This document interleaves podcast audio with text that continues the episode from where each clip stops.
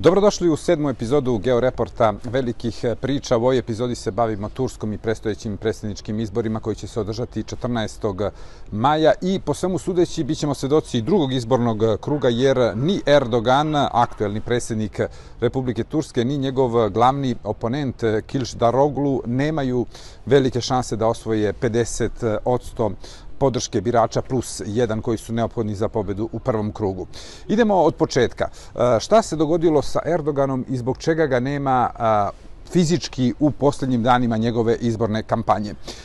kao i svaki alfa muškarac u politici, Recep Tayyip Erdogan je zasnivao ličnu i partijsku propagandu na vlastitoj virilnosti, zdravlju i snazi. Stomačni problemi koji su primorali predsjednika Turske da promeni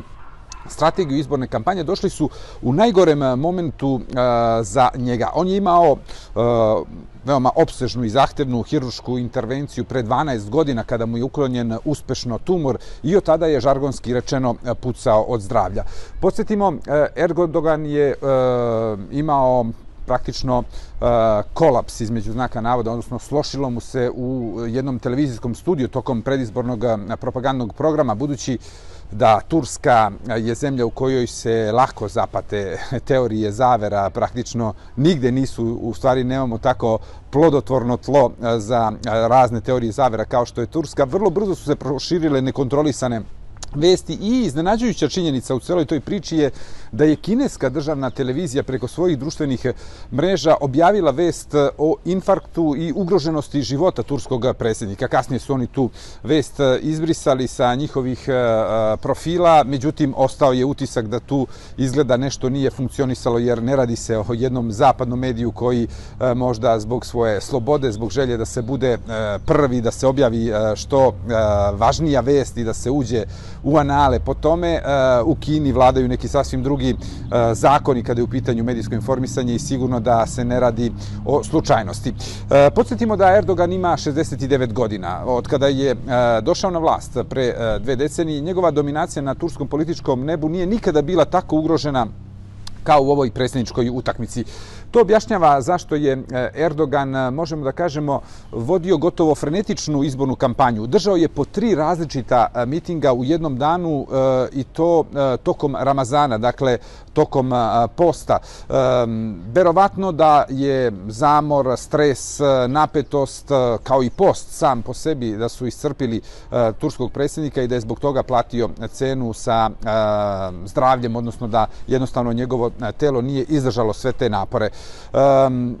to je, e, možemo da kažemo, jedan od ključnih problema sa starošću, jer generalno sve možemo da radimo e, kao i mladi kada smo u, godinama. Međutim, ključna razlika je što to što radimo mora da bude sporije, mora da bude ređe i po mogućstvu bez napetosti. A to je sve ono što Erdogan ne može e, sebi da dozvoli zbog godina, ali i iscrpljenosti. Sve ono što Erdogan ne može, dakle,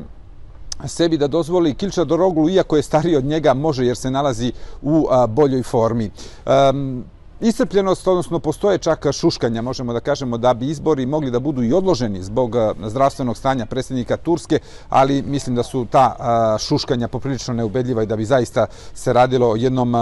presedanu par excellence ukoliko bi došlo do odlaganja izbora. E, Erdogan je organizovao u međuvremenu, podsjetimo, niz montiranih sudskih procesa protiv svojih ključnih e, protivnika od lidera najevropskije e, partije u Turskoj, Salahatina Demirtaša, koji se nalazi već sedam godina u zatvoru, preko Džanan Kaftančoglu, heroinu svih prosvećenih turskih građana, koja je zaista jedna veoma hrabra žena koja je osuđena na pet godina zatvora i doživotnom zabranom bavljenja politikom politikom samo zbog toga što je jasno uh, anti uh, erdoganski možemo da kažemo nastrojena i zato što je ona otprilike uh, kontrateža i simbol drugačije i bolje Turske od onu koju je predstavlja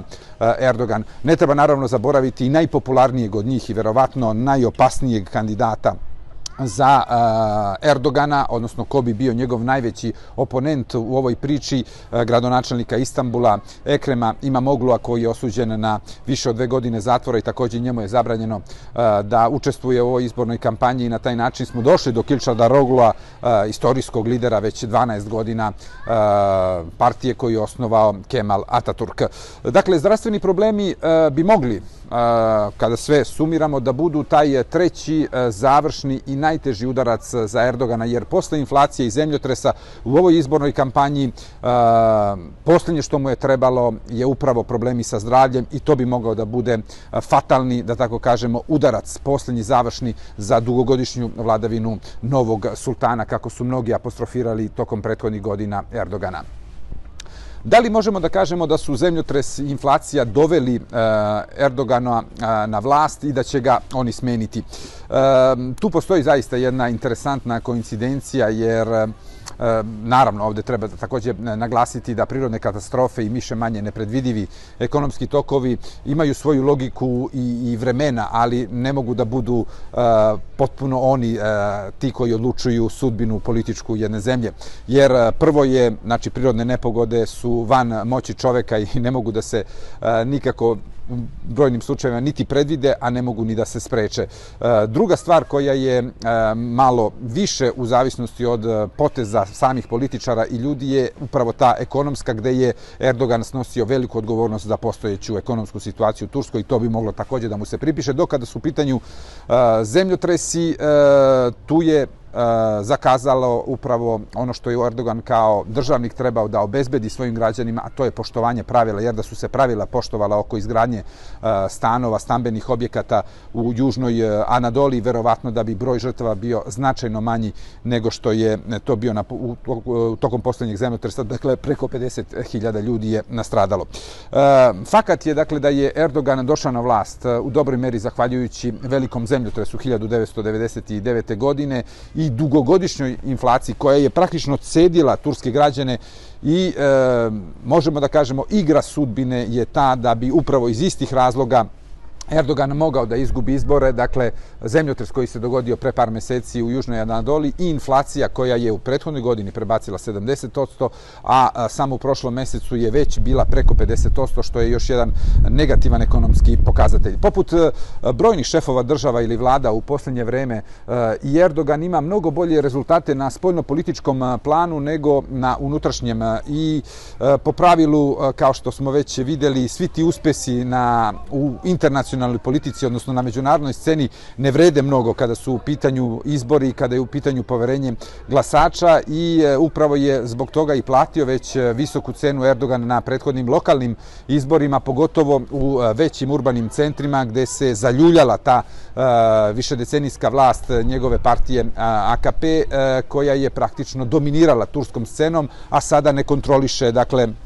tri ključna grada u Turskoj, a to su e, Istanbul, Ankara e, i Izmir. Takođe, u posljednjih e, nekoliko meseci, upravo zahvaljujući zemljotresu, odnosno kao posljedica zemljotresa, čak i u tom čvrstom biračkom telu Erdogana više ne postoji tako jasna opredeljenost da se podrži islamski, odnosno proislamski kandidat na ovim izborima. Zašto je trka za predsjednika Turske važnija od parlamentarne utakmice? I tu možemo da kažemo da je ključna odgovornost E, na Erdoganu, jer je upravo on skrojio ustav Turske po svojoj slici i prilici i zato je e, ova trka e, za predsjedničku fotelju mnogo važnija od one za sastav parlamenta. U prethodnih 20 godina, korak po korak, Erdogan je udaljavao Tursku od Evrope i Zapada toliko je praktično udaljio e, Tursku od e, starog kontinenta i e, zapadnog sistema vrednosti, da neće biti čak ni iznenađenje da nametne svoju volju ako mu ne bude odgovarala ona izražena na biralištima. Danas izgleda zaista prilično naivno uverenje koje je bilo dominantno na početku ovog veka da bi Erdoganova partija AKP bila mm, odnosno mogla da bude kao neka vrsta demohrišćanskih stranaka koje su nikle u Evropi e, posle drugog svjetskog rata kao pečurke i u dobrom delu zapadnoevropskih zemalja su dugo godina ostale na vlasti od Italije preko Nemačke pa zatim e, i Španije u kojoj je još uvek jedna od najjačih partija, narodna partija koja e, nema u sebi to ime demohrišćanska, ali se bazira upravo na hrišćanskim vrednostima, na katoličkim vrednostima i na desničarskim vrednostima. U ovoj godini slavi se i 100 godina od osnivanja moderne Turske, odnosno od Ataturkovog osnivanja e, države koja je nasledila Osmanlijsku imperiju i ova godina je trebala da bude triumfalna za e, Erdogana. Šta više, on je maštao da na obeležavanje rađanja Ataturkove Turske potvrdi formalno da je 21. E, 21. stoljeće e, u stvari vek Turske koje je on najavio pompezno e, prošlog oktobra kada se obeleževala 99. godišnjica rađanja Republike Turske. Ruska invazija na Ukrajinu je bila viđena kao dugo očekivani moment za oslobađanje Ankare od, možemo da kažemo, senke koja je bila sve vreme nad malom Azijom od strane Amerike i Evrope zbog toga što je jednostavno Turska morala da se prikloni zapadnom sistemu vrednosti u odnosu vis-a-vis sa e, Sovjetskim savezom, odnosno komunističkim e, režimima e, na, na istoku i jednostavno tokom hladnog rata Turska je izabrala tu stranu i ostala je jedan od, možemo da kažemo,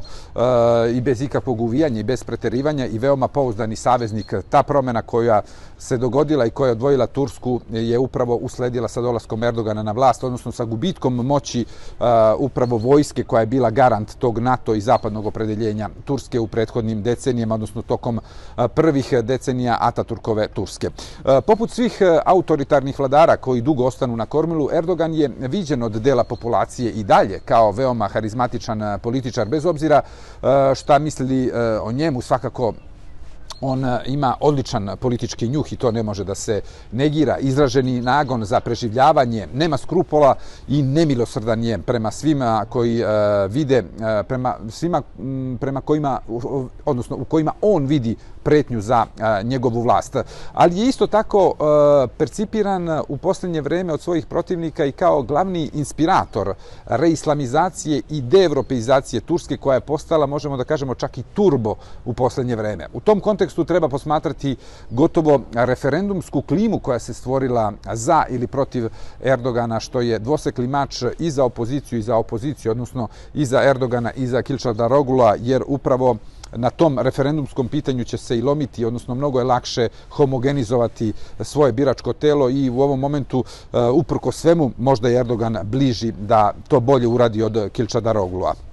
Šta je dovelo u pitanje popularnost Erdogana? Nešto smo već rekli kada je u pitanju uh, zemljotres, uh, inflacija. Uglavnom, postoje dakle tri stvari koje su uticale na to da padne popularnost Erdogana, pored pomenutog, uh,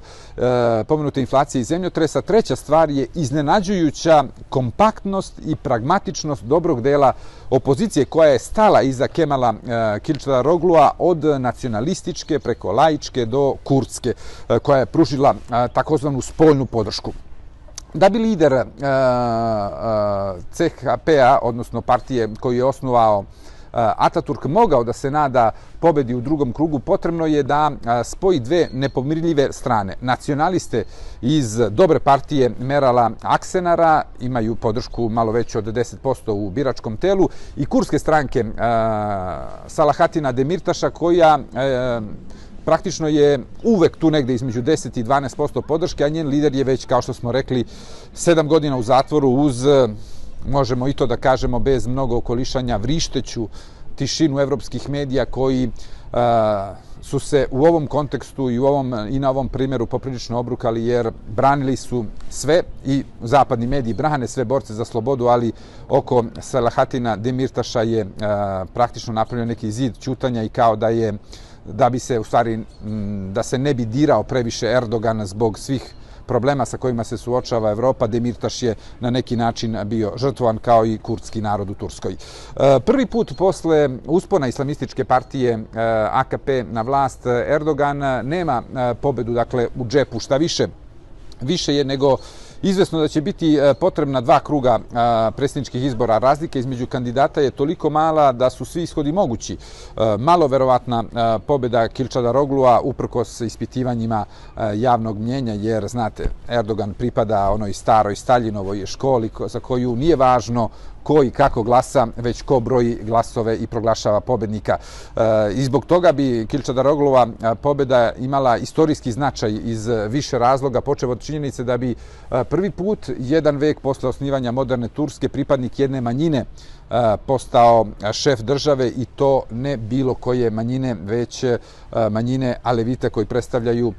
versku manjinu u Turskoj koja je vekovima bila proganjana.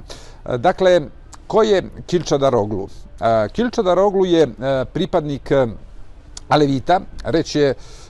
o derivatu šitske verzije islama prilično fleksibilne i tolerantne, posebno prema ženama koje ne moraju da nose veo, dozvoljena je upotreba alkohola, ne ide se u džamije da bi se molili.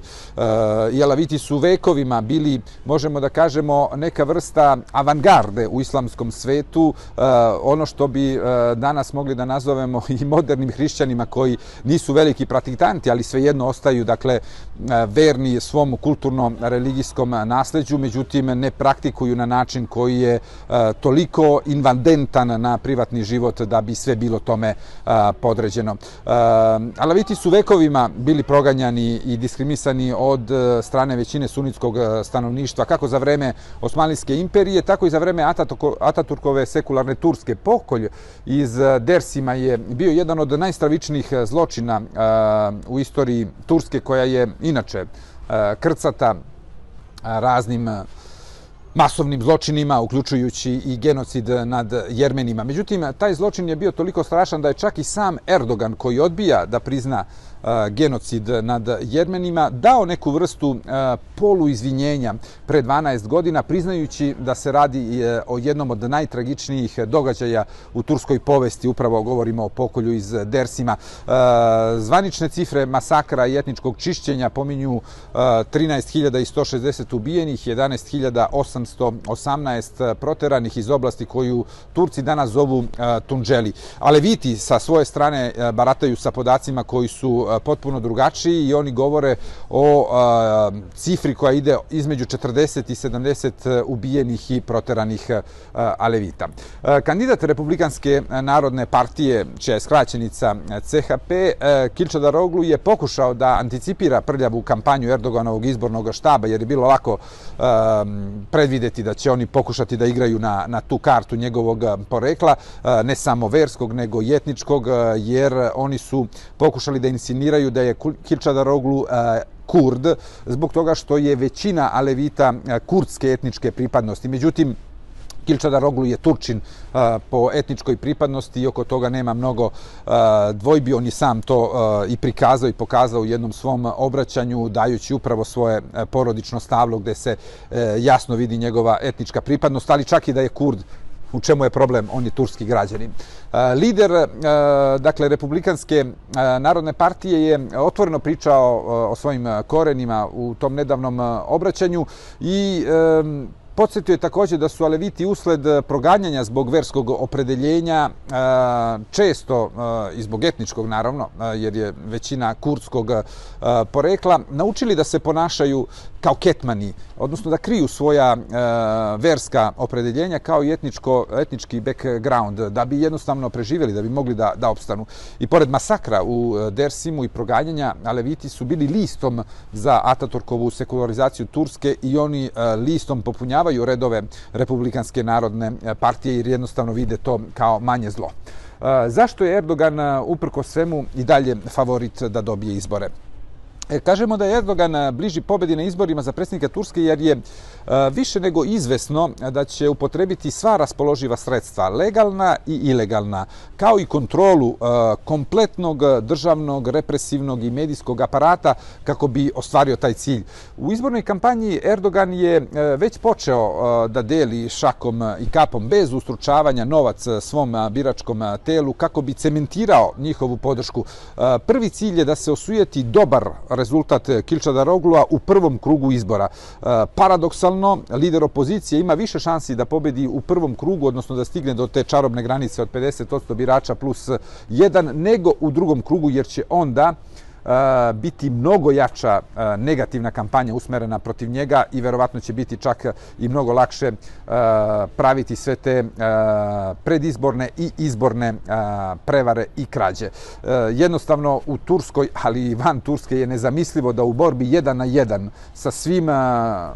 sredstvima na raspolaganju Erdogan može da izgubi tim pre što njegov izborni tim ključne adute za prljavu kampanju protiv Kilčada Roglua čuva za drugi izborni krug i tu nema nikakve sumnje. E, povampirenje, na primjer, dvojice kandidata opozicije Muharema e, Inca i Sinana Ogana koji su na volšeban način skupili 100.000 potpisa u tek nekoliko dana koliko je potrebno za kandidaturu na predsjedničkim izborima je samo mali primjer moći i na šta su sve spremni pripadnici Erdoganovog režima i kako mogu da budu efikasni kada su u pitanju izborne prevare. Ni Ince ni Ogan nemaju šanse da budu izabrani, ali mogu da onemoguće praktično Kilčada Roglu da osvoji apsolutnu većinu u prvom krugu i što je za Erdogana još važnije da čak dovedu u pitanje i njegovu prvu poziciju posle prvog izbornog kruga, jer bi za Erdogana bilo veoma važno u tom psihološkom smislu da on i u prvom krugu pobedi Kilčada Rogla, jer bi poraz u prvom izbornom krugu, iako to ne bi predstavljalo a, definitivni u smislu da Kilčada Roglu ne bi bio izabran za predsjednika Republike i trčao bi se drugi izborni krug, u tom psihološkom, u tom političkom kontekstu bi to bio veoma jak udarac za Erdogana. Kakve su posljedice udaljavanja Turske od Evrope i Zapada? Eh, Erdogan, kao što smo već eh, napomenuli, je u prethodnih eh, 20 godina korak po korak udaljavao Tursku od zapada. Toliko, dakle, da uopšte neće biti iznenađenje ako on bude napravio poteze koji neće biti ni prozapadni, ni proevropski, posebno posle izbora i posle rezultata, ako oni ne budu išli po njegovim predviđanjima, odnosno ne budu mu išli na ruke. Moderna Turska je uvek bila demokratija sa mnoštvom mnoštvo mana. Ne može se govoriti da je pre Erdogana Turska bila savršena demokratija, pa je sada Erdogan nešto uh, tu promenio, napravio nešto što je jednu jel, savršenu demokratiju za primjer, pretvorilo u jednu islamsku poludiktaturu ili poluautokratiju na autoputu da postane i definitivno jedna autokratska država. Um, paradoksalno, uh, to možemo da vidimo i da uh, je isticanje fotografija i portreta Eh, Kemal Ataturka u gotovo svim prodavnicama i na javnim mestima i objektima Istanbula i Izmira, ali i Ankare eh, je neka vrsta znaka eh, prepoznavanja među protivnicima Erdogana i na neki način simbol otpora predsjedniku Turske, jer Ataturk je upravo na suprotnoj strani od onoga i e, Turska je na suprotnoj strani Ataturkova od ono na pozicije na koju i gde želi da je dovede e, Erdogan. E, otac moderne Turske, dakle koja proslavlja 100 godina ove jeseni, je transformisan u simbol otpora islamizaciji i galopirajućoj centralizaciji vlasti u Ankari, mada naravno ni e, sam e, Ataturk nije baš bio mnogo e, demokratičan. Da li je Erdogan spreman na sve da zadrži vlast? Najkraći odgovor je da on je jednostavno eh, neće mirno predati vlast. Mi smo to mogli već da vidimo e, i kada je bio u pitanju izbor gradonačelnika Istanbula, iako nije uspeo da završi taj posao do kraja, jer nema te stvari u Turskoj za koju Erdogan nije zainteresovan e, i bez eksplicitne želje da njegova bude posljednja. E, bez obzira da li se radi o banalnim stvarima kao što je, na primjer, e, ne znam, e, direktor škole u nekom selu u Anadoli ili se priča o kupovini jeli, famoznog protivraketnog sistema S-400 od Rusa koji je izazvao velike trzavice i velike varnice u odnosima između Ankare i Vašingtona. Za Erdogana se kaže da je političar mačka sa sedam života imajući u vidu da je preživeo veliki broj kriza od korupcionaških skandala koji su se odnosili na najuže e, članove njegove porodice, zatim recesije, e, ekonomske krize, inflacija, do državnog udara i masovnih protesta koji su bili e, registrovani tokom prethodnih 20 godina. Međutim, kao što je to bio slučaj i sa izborima u Istanbulu, neće moći da primeni znači, kompletnu silu protiv jasno iskazane volje birača, osim ako ne želi da svoju autokratsku vlast pretvori u diktaturu, što se ne može a priori isključiti iz svega što smo videli u prethodnih e, nekoliko godina, odnosno u posljednjoj deceniji, pogotovo od njegovog, e, možemo da kažemo, učvršćivanja na vlasti kada je preuzeo kompletno, pogotovo posle državnog udara pre sedam godina vlast e, u Turskoj i kada jednostavno više ne postoji ni jedna grana vlasti, ni jedan segment društva koji nije pod kontrolom Erdogana. E, tu imamo, dakle, primjer e, Imamoglu, a i njega smo želeli posebno da izdvojimo, jer e, izbor za gradonačelnika Istanbula je bio veoma indikativan i veoma poučan. Erdoganova hobotnica u pravosuđu sa dejstvu sa korupcijom je na nelegalan način poništila rezultate izbora u nekadašnjem Konstantinopolju samo zato što je pobedio Imamoglu Erdoganovog kandidata, ali je onda doživela hladan tuš eh, kada je Imamoglu eh, potvrđen na ponovljenim izborima sa još ubedljivijom većinom nego što je to bio slučaj eh, prvi put. Dakle, to je jedini način da se Turska oslobodi Erdogana, odnosno da građani masovno izađu na izbore i da masovno glasaju protiv Erdogana. U tom kontekstu i u toj situaciji Erdogan bi morao dobro da razmisli pre nego što primeni bilo koji potez koji bi negirao izbornu volju građana. E, Erdogan je inače sve učinio, kao što smo rekli, da izbaci iz predsjedničke trke harizmatičnog i izuzetno popularnog gradonačelnika Varošina Bosvoru. E, on je čak morao da upregne i pravosudni sistem koji je podsjetimo pod njegovom potpunom kontrolom, da se reši e, ima e, u montiranom procesu koji je bio savršen, možemo da kažemo, primjer kafkijanskog procesa, ako nam je potrebno da imamo ideju o čemu je e, pisao Franz Kafka. On je osuđen na višegodišnju kaznu zatvora preko dve godine uh, i ona je imala samo jedan cilj, ne da ima moglu ode u zatvor, jer eh, bilo bi previše za samog Erdogana, jer ipak ima moglu nije Demirtaš, on je Turčin, nije Kurd i u Turskoj, nažalost, eh, šta god da uradite protiv Kurda je dozvoljeno, već da ga jednostavno izbaci iz izborne trke i da omogući laku pobedu, bar je tako mislio Erdogana kada je pravio čitavu tu e, teoriju, odnosno čitavu tu e, konstrukciju da bi ima moglo stavio u aut kada je u pitanju predsjednička trka. Međutim, e, Ironija sudbine je da bi upravo taj potez Erdogana mogao skupo da ga košta, odnosno da mu se vrati kao bumerang, s obzirom na to da je Kirčadar Oglu,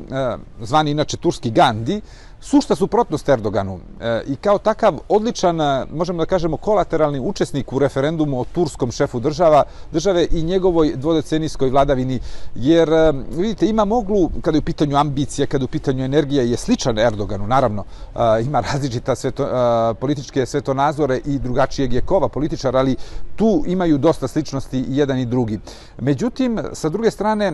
Kilča Daroglu je sve ono,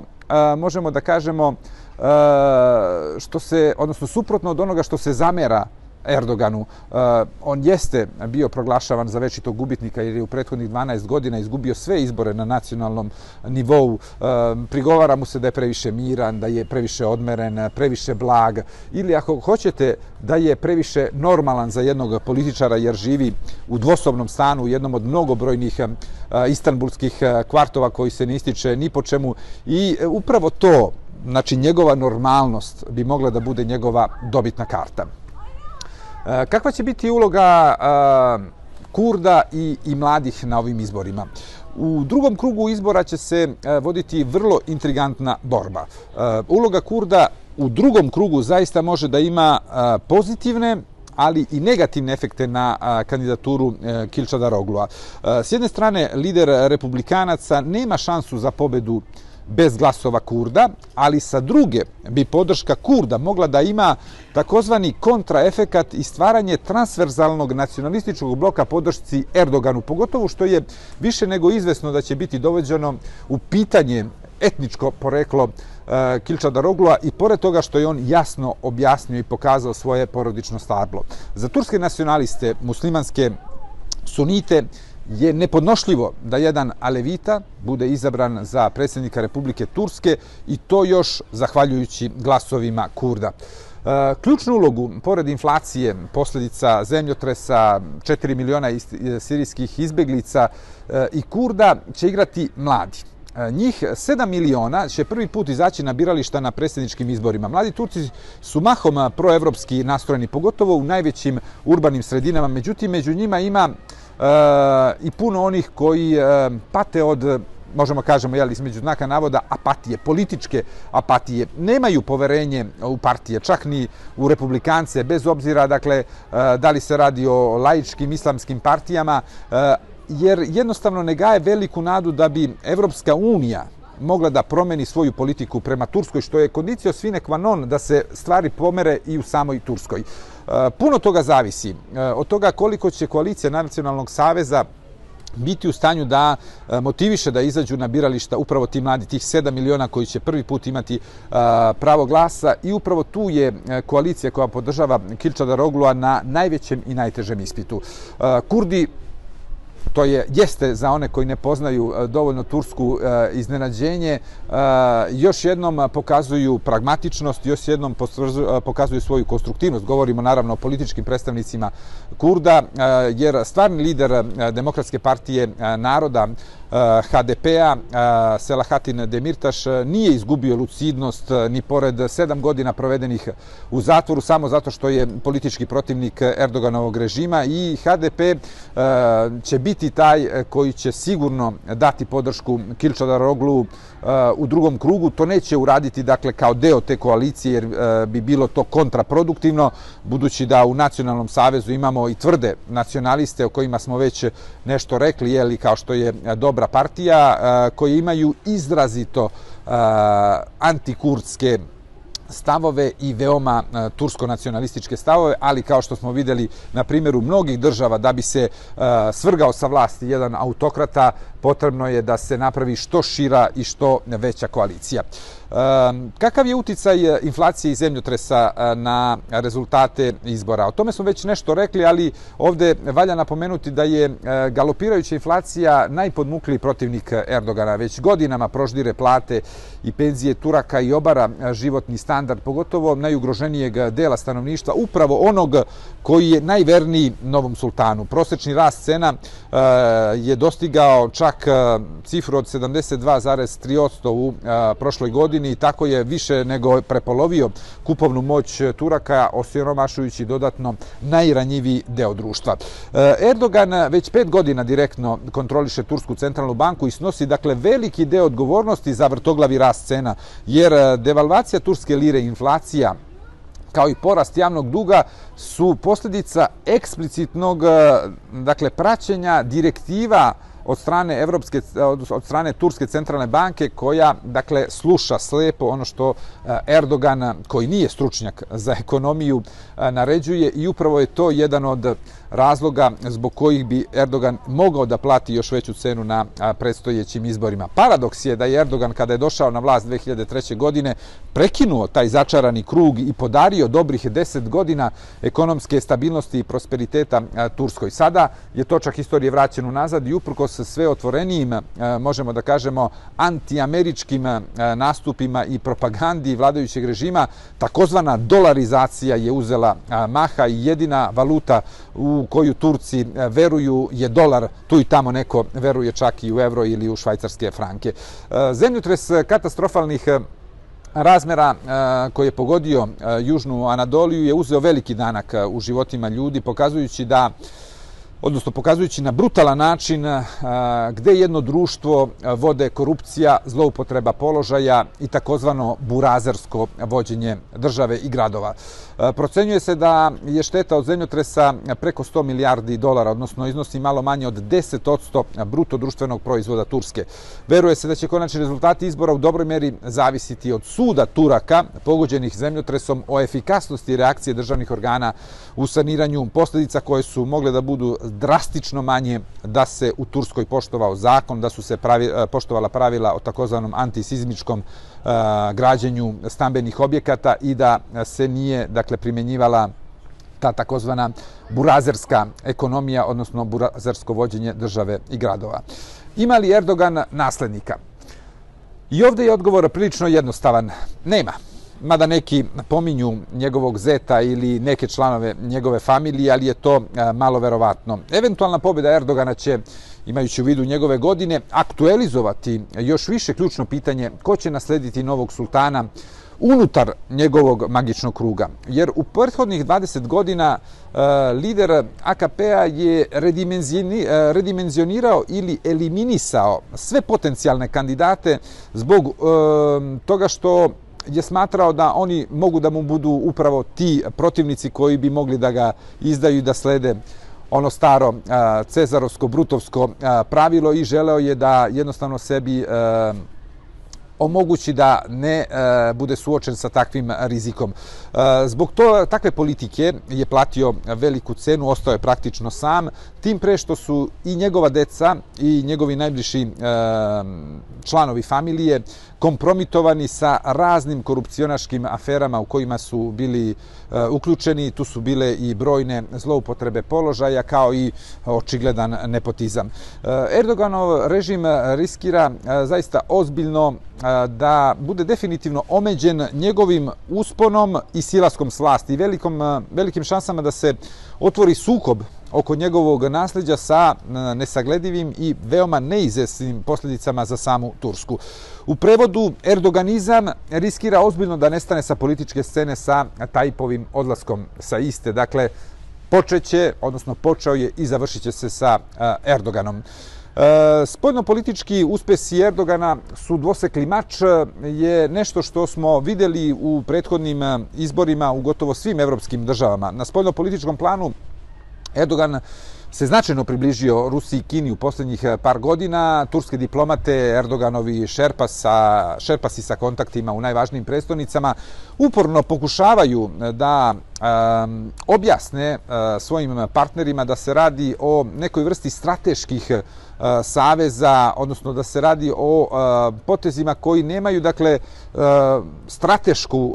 strateški cilj vezivanja Turske za Rusiju i Kinu, već da se radi isključivo o interesnoj saradnji i da je tu jeli, Erdogan samo jedan lukav igrač koji pokušava da iskoristi postojeću situaciju da obezbedi što bolju poziciju i što više rezultata pozitivnih za samu Tursku. Ankara je u Severnoatlantskom savezu odavno postala, možemo da kažemo, članica sui generis i deluje potpuno samostalno, često i u koliziji sa partnerima kao što je to bio slučaj u Siriji, ali i u seriji drugih afričkih zemalja od Libije do Sudana i Somalije, gde Turska u dobroj meri, osim dakle, na tom turkijskom delu Azije i e, na Balkanu e, koncentriše svoje e, snage i koncentriše svoje dejstvo, a to je dakle Afrika jer oni žele da kontrolišu Crveno more, žele da kontrolišu Suetski kanal jer je to jedan od uslova kako bi Turska mogla da postane i pomorska sila što je sa druge strane preduslov da bi ona mogla da uđe u krug država koje zaista odlučuju o budućnosti planete. Erdoganova Turska e, nema i dalje kapacitete dakle da se bori na ravnoj nozi sa drugim e, velikim e, silama, ali je i kako u stanju da širi uticaj na tri kontinenta koja smo pomenuli, dakle azijski, evropski, Balkan je tu i afrički kontinent. Praktično možemo da kažemo od Balkana do Sinkjanga i od Tatarstana u Rusiji do Sudana i Somalije. Također Ankara je u klubu srednjih i velikih sila sa revizionističkim ambicijama s ciljem da prekroje i prošlost i budućnost po sobstvenoj slici i prilici bez obzira na visinu cene. Sa nakladnom pameću može se reći da je Erdogan uvek doživljavao politiku kao veliki bazar na kome se ponašao mnogo više kao lukavi trgovac nego kao dalekovidi državnik eh, eh, bilo da se radilo o unutrašnjoj ili spoljnoj politici. Kompletan odnos sa Evropskom unijom i Sjedinjim američkim državama, ali i sa drugim važnim državama na Bliskom i Srednjem istoku, kao i sa Kinom, se bazirao na igrokazima. Često vulgarno, pragmatičnim, s ciljem da se e, učvrsti vlast u Ankari, ali i pozicija Turske u međunarodnim odnosima. E, Erdoganova taktika e, možemo da kažemo je da kreira probleme u odnosima sa velikim silama i takmacima, e, dostigne dakle u tom e, zagrevanju najvišu tačku i onda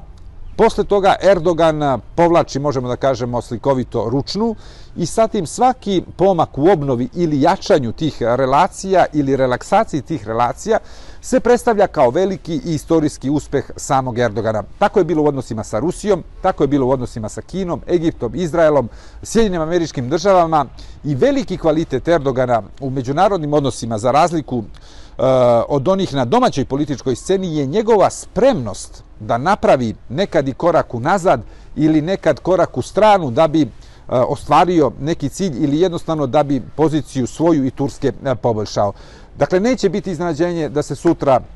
Erdogan zagrli i pomiri čak i sa Baširom El Asadom, siri, sirijskim predsjednikom, čiji je bio dugo vreme sponzora, zatim i najveći neprijatelj.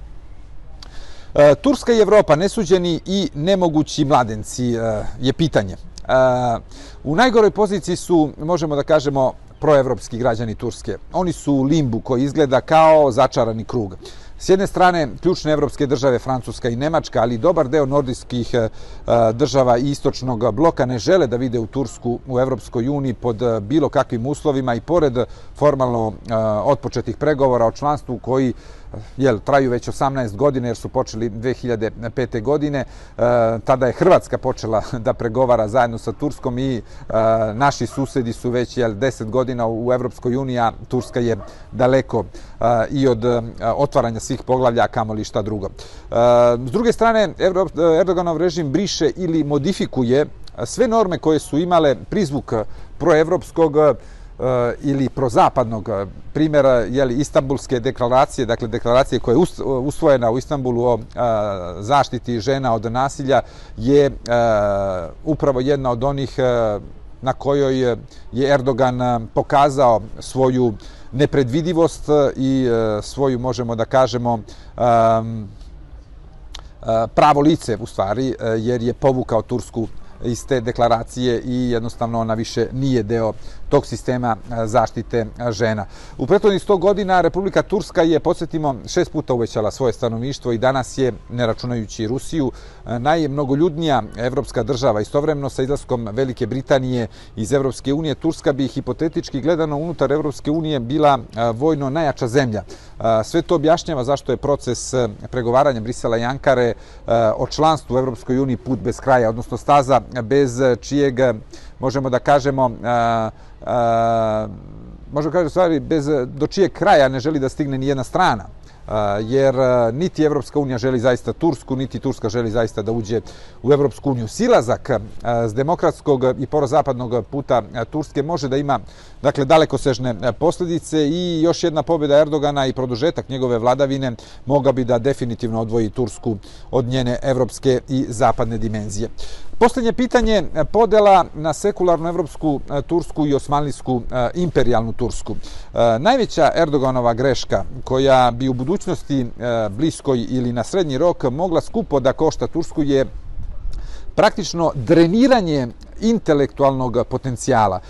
između najnaprednijeg i najobrazovanijeg i najsposobnijeg dela turskog društva i predsjednika Erdogana i onih koji ga podržavaju je stvoren nepremostiv jaz. E, ne zna se ko koga tu više prezire. Nije slučajno da je AKP e, tako potučen na lokalnim izborima u tri najvažnija grada, tri e, svoje vrsna, možemo da kažemo, glavna grada Turske, Ankara, Istanbul i Izmir. Za Erdogana je posebno bio bolan gubitak Istambula, grada u kojem je njegova politička karijera lansirana i u kojem nije mogao da promeni rezultat ni na ponovljenim izborima, što smo već objasnili u sve mahinacije, zloupotrebe i varanja. I svakako je najveći problem to što je izgubio upravo kontakt sa najnaprednim i najboljim delom Turske. Toliko u ovom podcastu. U sljedećemo ćemo se baviti ponovo Srbijom, prostorom bivše Jugoslavije, politikom proširenja Evropske unije, regionalnim inicijativama i ulozi ruske agresije na Ukrajinu u procesu integracije Zapadnog Balkana u Evropskoj uniji. Do sljedeće prilike, pozdrav svima!